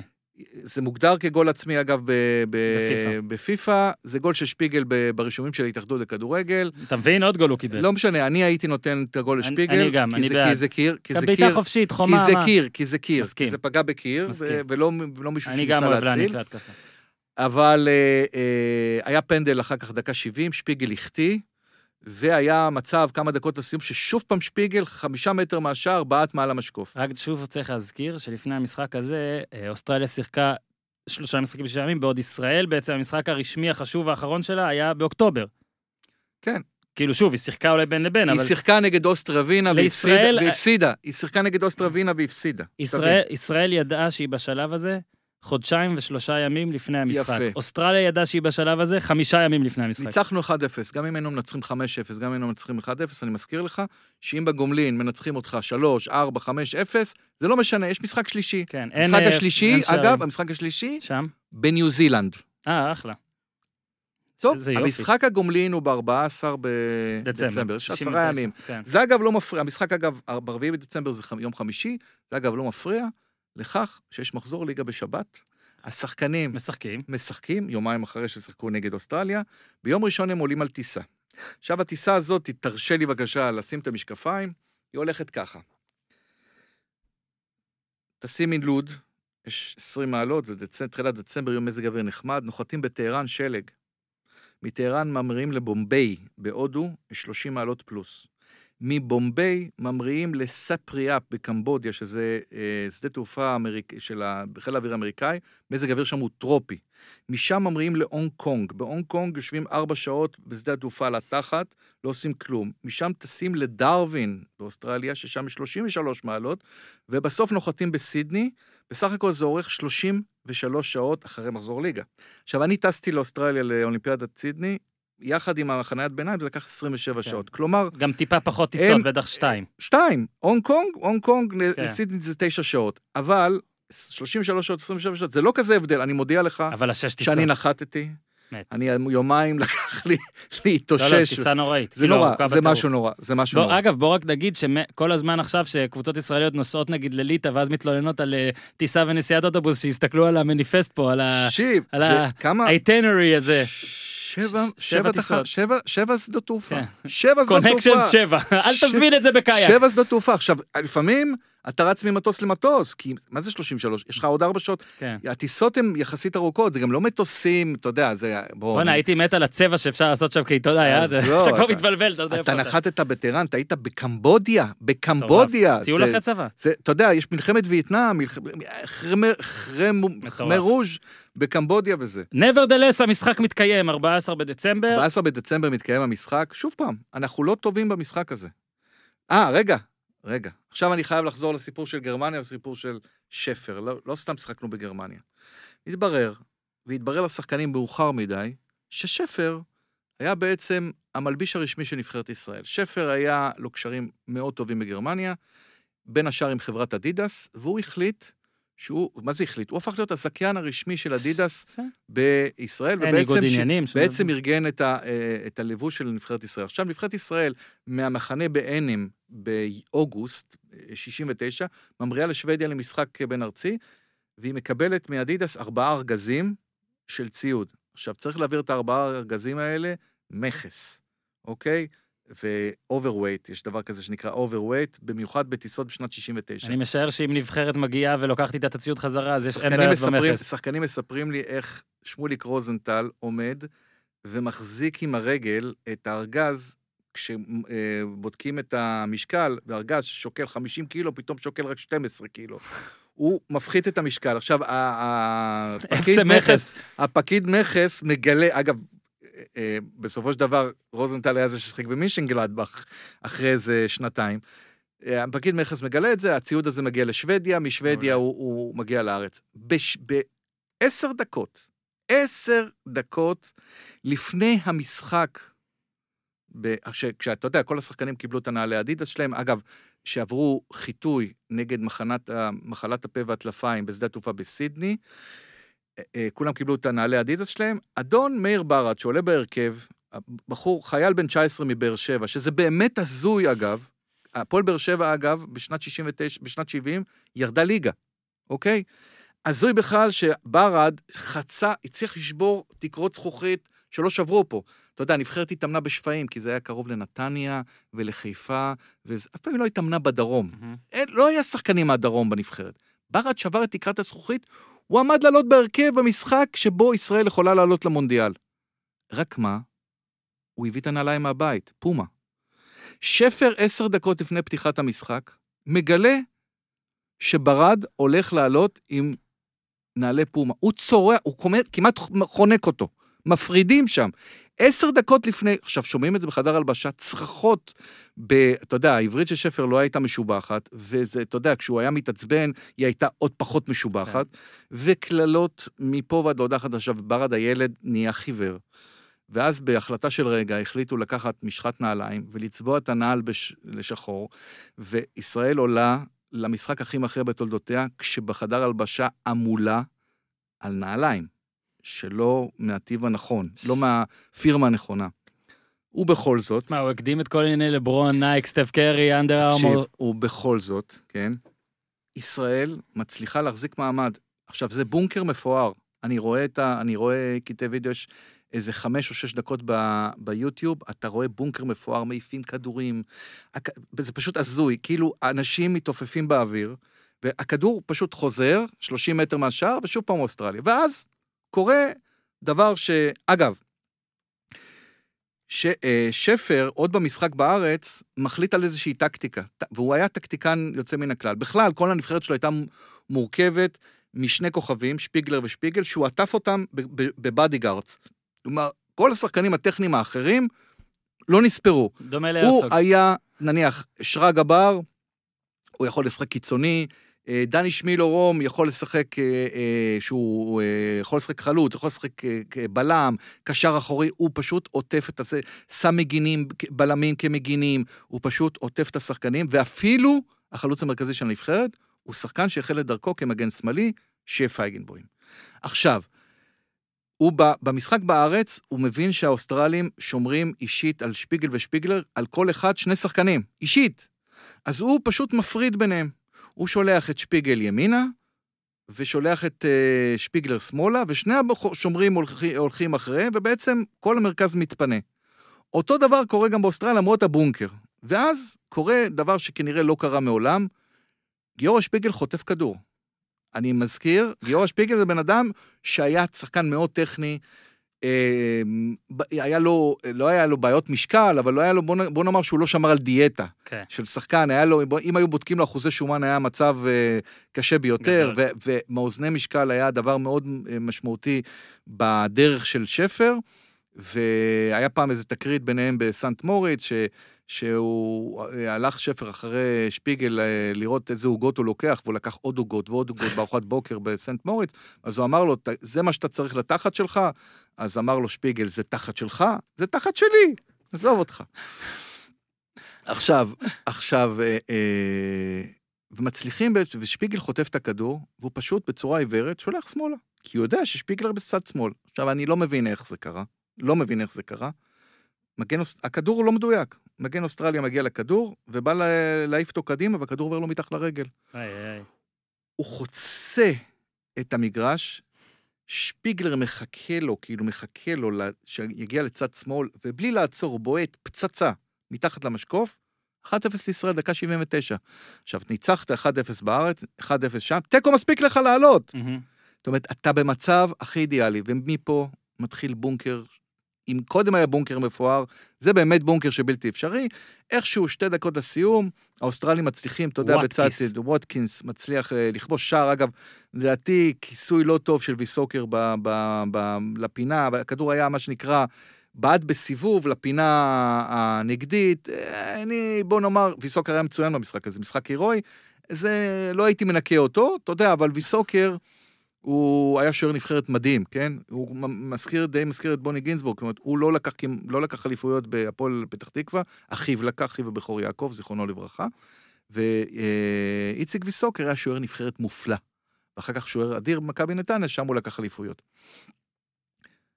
ישראל עלתה למונדיאל. עכשיו, להגיד לך שהיו שם חגיגות יוצאות דופן? אה, אה, עשו סיבוב, איזה שני שחקנים הורידו חולצות, ביבי. התקשר, ביבי התקשר אה, לברר. לא התקשר, לוי אשכול לא התקשר, נדמה לי שאפילו לוי אשכול לא היה כבר, זיכרונו לברכה, גולדה מאיר לא התקשרה לאף אחד, אוקיי? בוא, אז רגע אה, נזכיר. היום, אגב, בדקתי, ב-2018, 45 נבחרות אה, התחרו רק באסיה, כן? במונדיאל שאתה עכשיו מספר לנו, 1970, זה בעצם התחיל עם שבע וזה ירד לשש, נכון? או שמונה ירד לשבע. ישראל מאסיה ואוקיאניה. ישראל קיימה ארבעה משחקים, שלושה מהם באיצטדיון רמת גן, אחד מהם באיצטדיון בסידני. וזהו, ו- וזה המשחק היחיד שהיא לא ניצחה. כן. אוקיי? אין שום דבר חדש בזה. תמיד היינו בסדר בבית. יפה, למרות לא, שבשנים לא, האחרונות לא, אנחנו כבר לא בסדר לא, בבית, אבל בסדר. יפה. אנחנו במונדיאל, אנחנו במונדיאל, הבנתם אז? הזוי לחלוטין. זה המונדיאל. הזוי זה לחלוטין. ה-1970 שלכם. אגב, יפה, וגם כמו שאמרת, ואתה בטח תפרט קצת בקצרה עכשיו, המונדיאל עצמו יפה, רגע. אבל רק שאתם, שזה הרפרנס שלכם. עכשיו קורה משהו הדו- הזוי. ישראל במונדיאל, נבחרת חובבים, שצריכה לשחק בעילית של הכדורגל. עכשיו היא שיחקה גם מול נבחרות חובבים אחרות. הרי מה זה היה אוסטרליה? נבחרת של מהגרים, שחקנים מ- מסקוטלנד, מגרמניה, כל מיני... זה, גם כן היו שחקנים חובבים. הפעם יש לך זה. עכשיו, ההגרלה הייתה הרבה יותר מאוחר, כאילו, בסביבות uh, מרץ, והגרלנו שם את איטליה, אלופת אירופה. אלופת אירופה מכהנת, 1968, אלופת אירופה. ניצחה את יוגוסלביה את בגמר. אורוגוואי שזכו את פעמיים. אורוגוואי. שזכתה בזה, אבל זה לא משנה, אורוגוואי, היא עלתה מהבית שלה בשבע נקודות מתוך שמונה, שוודיה. ושוודיה, שכאילו השאירה בחוץ, נדמה לי צרפת, כן, השאירה בחוץ את צרפת. את צרפת. ושוודיה שאנחנו מפסידים לה בכל משחק, כולל 3-1, רק כמה חודשים קודם. זה בית בלתי אפשרי. אתה לא יכול להוציא בו יותר מאפס נקודות, ואף אחד פה לא מוותר על כלום. ואז עושה שפר בשיתוף עם ברים, דברים שהם הזויים, לא יכולים לקרות היום בחיים, לכן זה המיתוס. קודם כל, עושים מחנות אימונים באמצע העונה. אמצע עונת המשחקים 69-70. זאת הסיבה שמכבי יפו ירדה, זה היה קשה מאוד. סתם, סתם, לא היה בלי מוצי. לא, מוצי הגיע סתם, לנבחרת, לא. מוצי הגיע לנבחרת, חזר מדרום אפריקה, הגיע לנבחרת, התחילו לבדוק איזה שחקנים צריכים להביא, ואז אה, שפר, אה, כמו שאמרתי לך, חיזק את הנבחרת בשחקנים ז'לובים. זאת אומרת, יוחנן ולח היה שחקן מאוד גבוה וחזק, שהיה נראה בכלל אירופאי. תעשו מחנות כאילו אה, על העונה. אה, כן, אה, דני שמילו רום למשל, היה שחקן אירופאי, היה לו כושר גופני נדיר ואתלטיות יוצאת דופן. שווגר היה שחקן שקופץ לגו... שחקנים היו אתלטים. נניח רוני קלדרון, משמעת ודריבל בחוץ. כל הבן רימוז'ים היו שחקני, אתה יודע, שחקנים מבריקים בליגה. ליגה צבעוניים. אז רגע, אז- ואז היה, רגע, אתה אתה חוזר למחנות או שאתה מתקדם? אני חוזר למחנות. יאללה. ו- וצבי ברים בעצם מסדר לו הפסקות. ישראל אה, אה, בהתחלה עושה משחקים נגד אה, רומניה והולנד, הולנד בלי יוהאן קרויף. מוציאה ממנה אחת-אחת, אגב, עם רוב רנסנבריק ו- ו- ו- ורודי קרול, שחקנים שב-74 זכו אה, במדליית הכסף במונדיאל, כמה, רק ארבע שנים אחר כך, מוצאים אחד-אחד פה ב- ב- בבלומפילד, ונבחרת ישראל אה, מארחת בפברואר את מישן גלדבך למשחק גומלין. עכשיו, זאת ההצגה הכי גדולה של קבוצה יריבה אי פעם בישראל. המשחק הזה נגמר 6-0 לברוסיה מישן גלדבך, אני מזכיר לך, זה קבוצה. אנחנו נבחרת שמשחקת במונדיאל, ידוע כבר שמשחקת במונדיאל. ב-2-0 איציק ויסוקר הולך מהשער, אומר, אני לא, לא עומד בפיאסקו הזה, מכניסים את חיים זיידנברג, השוער של מכבי חיפה שהגיע ממכבי חולון. נבחרת לו אוטוטו המונדיאל, שוער ב-2-0 יוצא כי נמאס לו. נמאס לו, כן. שחקנים לא, נכנ... לא רוצים להיכנס. נגמר 6-0, גינטר נצר וברטי פוקץ, הצגת כדור ופבר, הצגת כדורגל מדהימה. בואנה, בובה של ואז- בובה של- בובה של לילה של 69 היו עושים בדיחות שואה שם. ואז מבין שפר שהוא בברוך. והוא מחליט, ו... ובהחלטה משותפת עם ברים, שמצליח לעצור את הליגה, יוצאים למחנה אימונים באתיופיה, באדיס אבבה. איזה מעולה. מחנה אימונים בגבהים של, אה, היה, הגובה שם היה 2,300. עכשיו, אם ישראל צריכה לארח בפואבלה, שזה 2,200, ובטולוקה במקסיקו, שזה 2,800, המחנה באדיס אבבה הוא פשוט אגדה בשבילם. חכה, זה לא המחנה הראשון, זה לא המחנה האחרון. הם יוצאים לאדיס אבבה, שחקנים שם מקבלים אלה מהאוויר הדליל, אה, לא אוכלים, אה, יש את הסיפור המפורסם על אה, אלי בן רימוז' שפשוט לא אכל, גם מטעמי כשרות וגם מכל מיני טעמים אחרים, פשוט רזה שם איזה שמונה קילו, שחקנים אגב שנוסעים שם כ- כסטטיסטים. הוא מגייס את עמוס בר חמה, קצין כושר קרבי ראשי בצה"ל, סגן אלוף עמוס בר גדול. שהוא אה, מעביר להם, לא- גם מגלה להם אה, דפוסים אה, חדשים של כושר גופני, למדוד דופק, אה, כל מיני דברים, ומתחיל שפר לעבוד איתם על דברים שהם ראו במשחקים נגד מינשנגלדבך. למשל, מסירות בפלש. ישראלים לא ידעו לעשות את הדברים האלה. משחק חמש על שתיים, מסירות בפלש, לא יודעים לעשות שתי מסירות רצופות.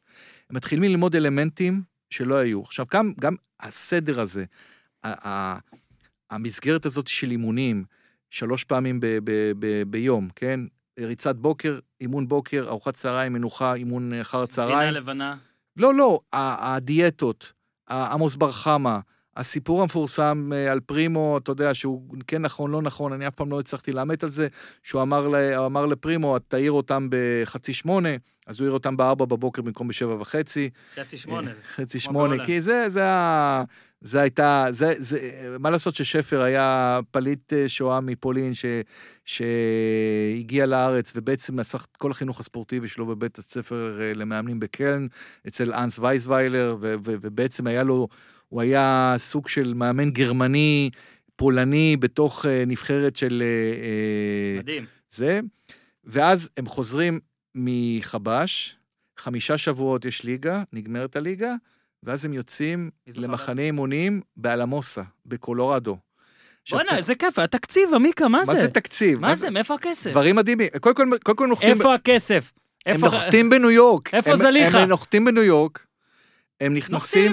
הם, הם מקבלים את, את אה, בית מלון, אגב, שהוא היום פופולרי אצל ישראל, מול המדיסון סקוויר גרדן, ערב המשחק השביעי בסדרת ה-NBA, גמר ה-NBA, בניו יורק ניקס, ללוס אנג'לס לייקרס, יש לך אה, ווילט צ'מברליין, יש לך את, אה.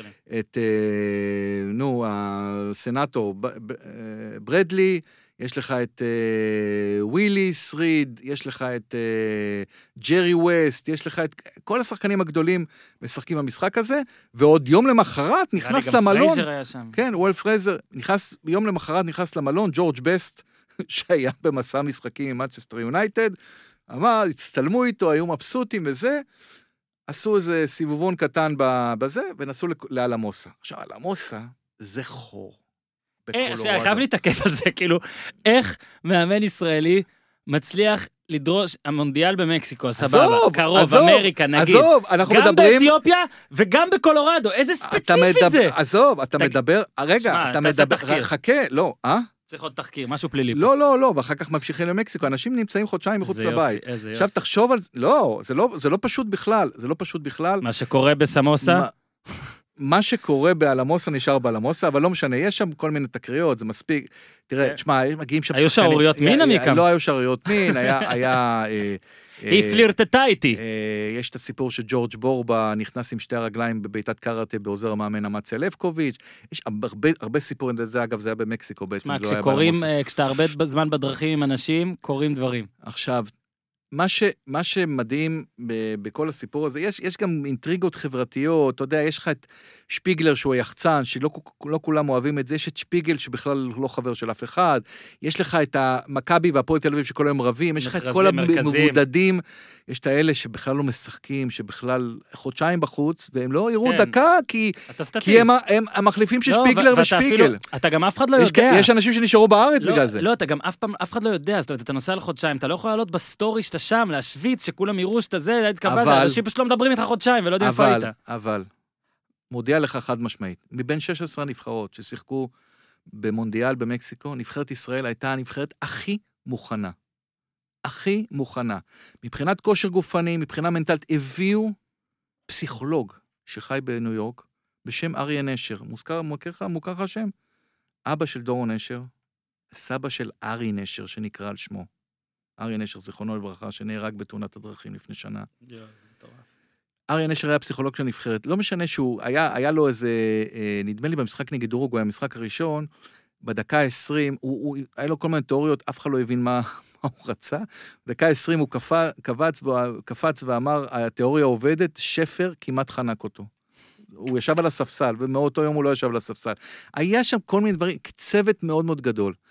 נבחרת ישראל אה, הגיעה בחשש מאוד גדול שהיא הולכת לקבל בראש, והיא שיחקה כדורגל מאוד נסוג, מאוד הגנתי. הפסידה 2-0 והמשחק- במשחק הפסידה ראשון, המשחק הראשון נגד אורוגוואי, ואז. למרות, למרות שמרגע שיוחנן ולך נכנס לשחק במקום דני שמילורום, כקשר הגנתי, הנבחרת התייצבה, והיא החלה לשחק את המשחק, התחילה את המשחק נגד שוודיה אחרי ביקורת מאוד גדולה, אחרי איזושהי תחושה ואיזשהן שמועות. אתה צריך להבין שבתקופה ההיא, בכלל, בכל מקום שבו הייתה עיתונות נושכת את uh, מאמני הנבחרת, הנבחרת תמיד התעלתה. זה היה uh, בתקופת מנסל עם uh, פיני זהבי ואבי רצון, זה היה בתקופת uh, שלמה שרף עם, עם אבי רצון ושגיא כהן, זה היה בתקופת אברהם גרנט עם שלמה שרף.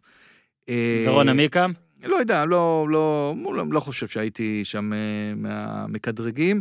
ובתקופה ההיא, בתקופה. ההיא יש לך ארבעה שליחים עם העיתונות, אבל השליח הבולט הוא יזהר ברנר מחדשות הספורט ומדבר, ונדמה לי שאפילו עוד, אולי, לא יודע, אולי על המשמר הוא כתב גם, והאיש הוא מאוד דומיננטי, מאוד מקושר, וזוריק ברנר זה, זה הכינוי שלו, והוא מפי... מופצת איזושהי שמועה לפיה המאמן האנגלי ווינטרבוטום עומד להחליף את שפר עוד במהלך המונדיאל. עזוב שרצו כאילו לסלק את שפר לפני המשחק נגד אוסטרליה, כן. היה כל מיני שמועות. ווינטר הוא בוטום. בוטה, ווינטר בוטום וזה. ו... מה זה כאילו תחת חורף. כן. ישבן אה, חורפי. אני חושב שוולטר ווינטר בוטום זה היה השם וולטר שלו. ווינטר בוטום. איזה ענק, זה זה אגדה. כן, כל מה שאתה כן. מספר עכשיו לא באמת קרה, אתה יודע.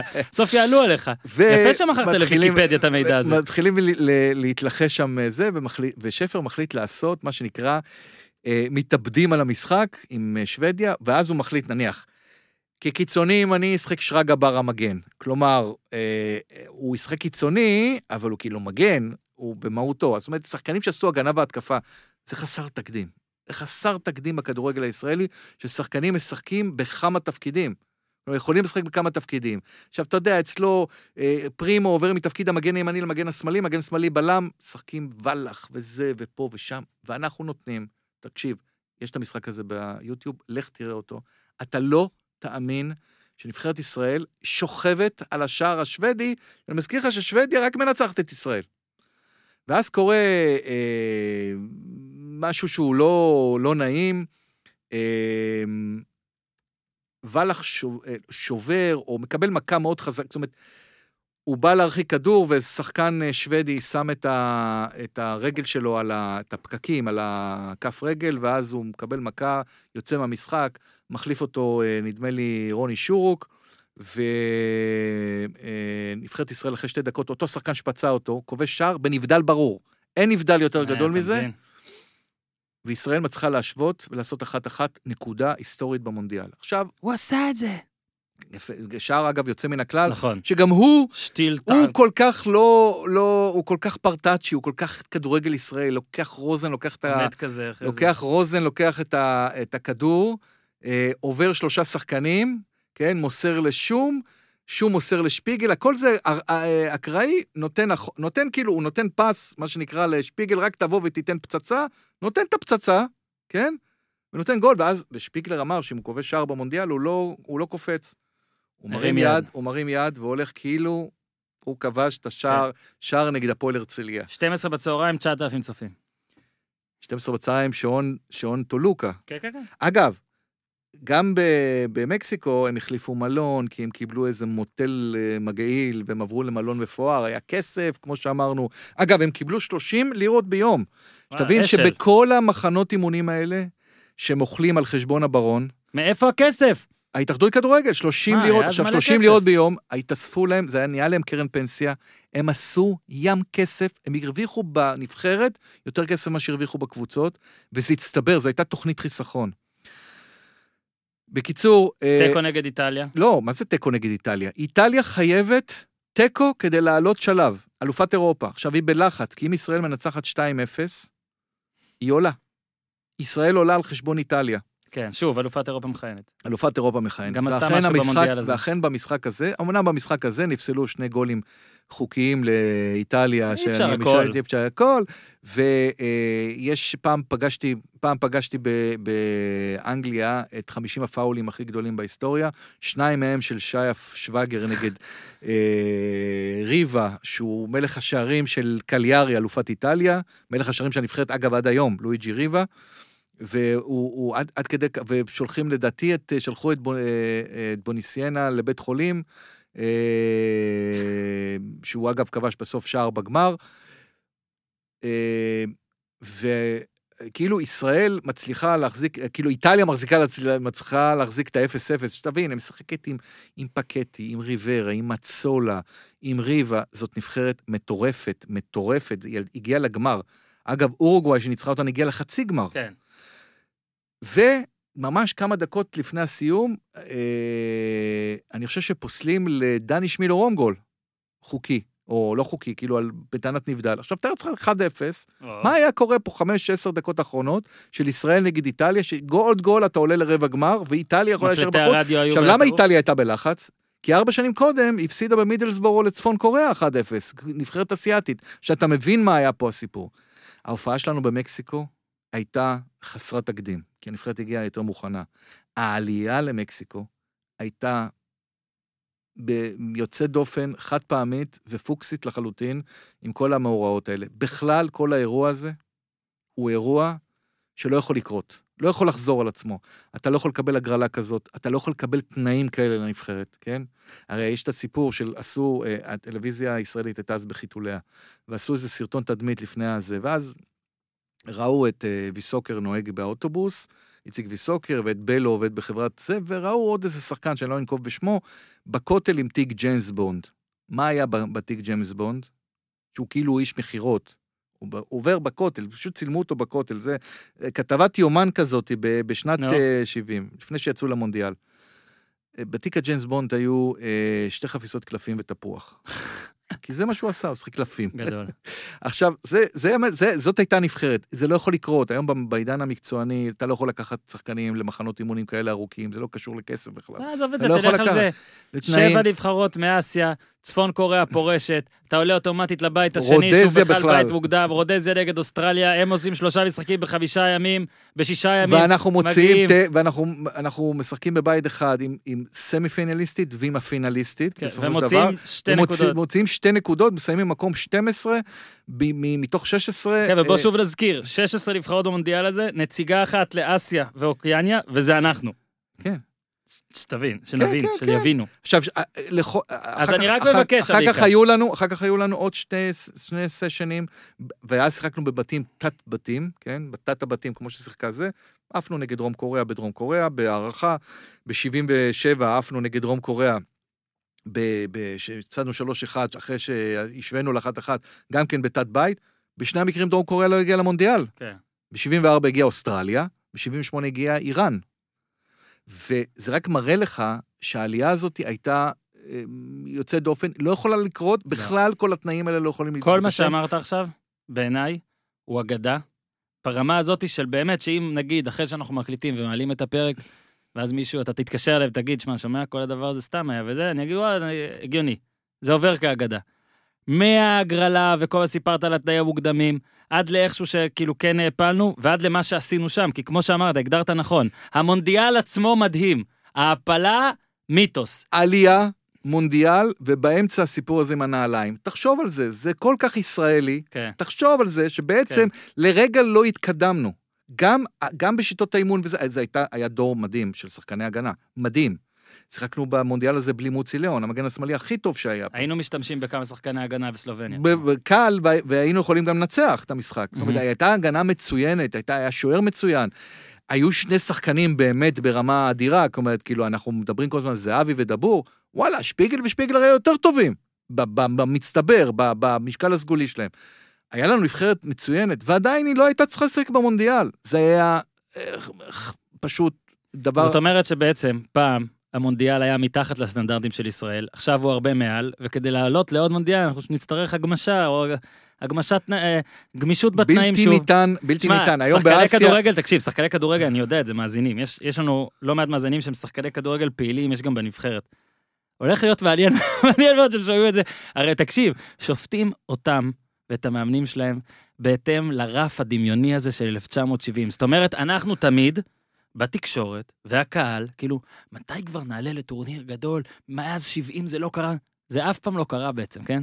אף פעם לא קרה. אף פעם באמת לא הגיע לנו לעשות את זה. אז סבבה, פעם היה יותר קל, היה פחות נבחרות, ואז זה יקרה, ואולי בעתיד באמת יהיו מלא נבחרות, ואז זה כן יקרה שוב, אם יהיו פתאום 60, או לא יודע מה. נכון לעכשיו, אנחנו לא בסטטיסטיקה, לא בגיאוגרפיה, לא במתמטיקה, לא בדברים האלה. ו- ו- וזה טוב שסיפרת, כי לדעתי עכשיו, אולי, ידיעות כמו על הרצוג, אם הוא יהיה מקום חמישי וכל זה, יהיו קצת פחות, כי ראינו... פרופורציות. בדיוק. עמיקם, בואנה, היה לי ממש כיף. היה ממש כיף. אנחנו צריכים לעשות אה, יותר מה- מהסגנון הזה. אנחנו מאחלים אה, לכל מאזיננו הצלחה, לשחקנים שמאזינים, אם אתם מאזינים לזה לפני המשחק נגד סלובניה, אז בה- בהצלחה אה, במשחק נגד סלובניה, וקחו את זה בקלות, כי תראו מה היה פה. אגב, לעלות בבקשה עם נעליים שלא יעצבנו את אנדי הרצוג. אני לא יודע האם הוא מייצג איזושהי חברה. רוצה... אגב, אני חייב להגיד עוד משפט אחד בעניין הזה, ששפר, שפר עדיין נחשב לפורץ דרך בצורה בלתי רגילה, עם כל ה... עם כל ה... בסדר, גם למוריניו יש תקלות. כל התכונות אופי שהיו לו, אה, אה, אה, מה שנקרא, תמיד אומרים, יש over שיטור, הוא היה over, over גרמני, כן. לצורך העניין, או אה, אה, בוטה ש, שהרגיז אנשים, אבל בתכלס הבן אדם הזה הוחזר לעוד קדנציה בסוף שנות ה-70, קצת, אה, הוא, הוא הרבה, למעשה הוא, הוא לא הצליח, כן? כן. אבל ב, ב, בטורניר הזה, אבל עדיין היה לו אה, הערכה מאוד גדולה על ההישגים שלו, כן. ובאמת הישגים שלו מעולם לא היו פעם שוחזרו. את הסדרת ספרים הזאת, הספורטאים הצעירים קראו לזה? זה תמיד היה דמיוני, ואני כילד, אנחנו היינו משחקים גם בבית, כל האחים כאילו ממציאים דברים, שאנחנו בכלל חיות המאמן- כאלה. המאמן בנדי. לא, אז, אז אני אומר, זה כאילו, זה זה.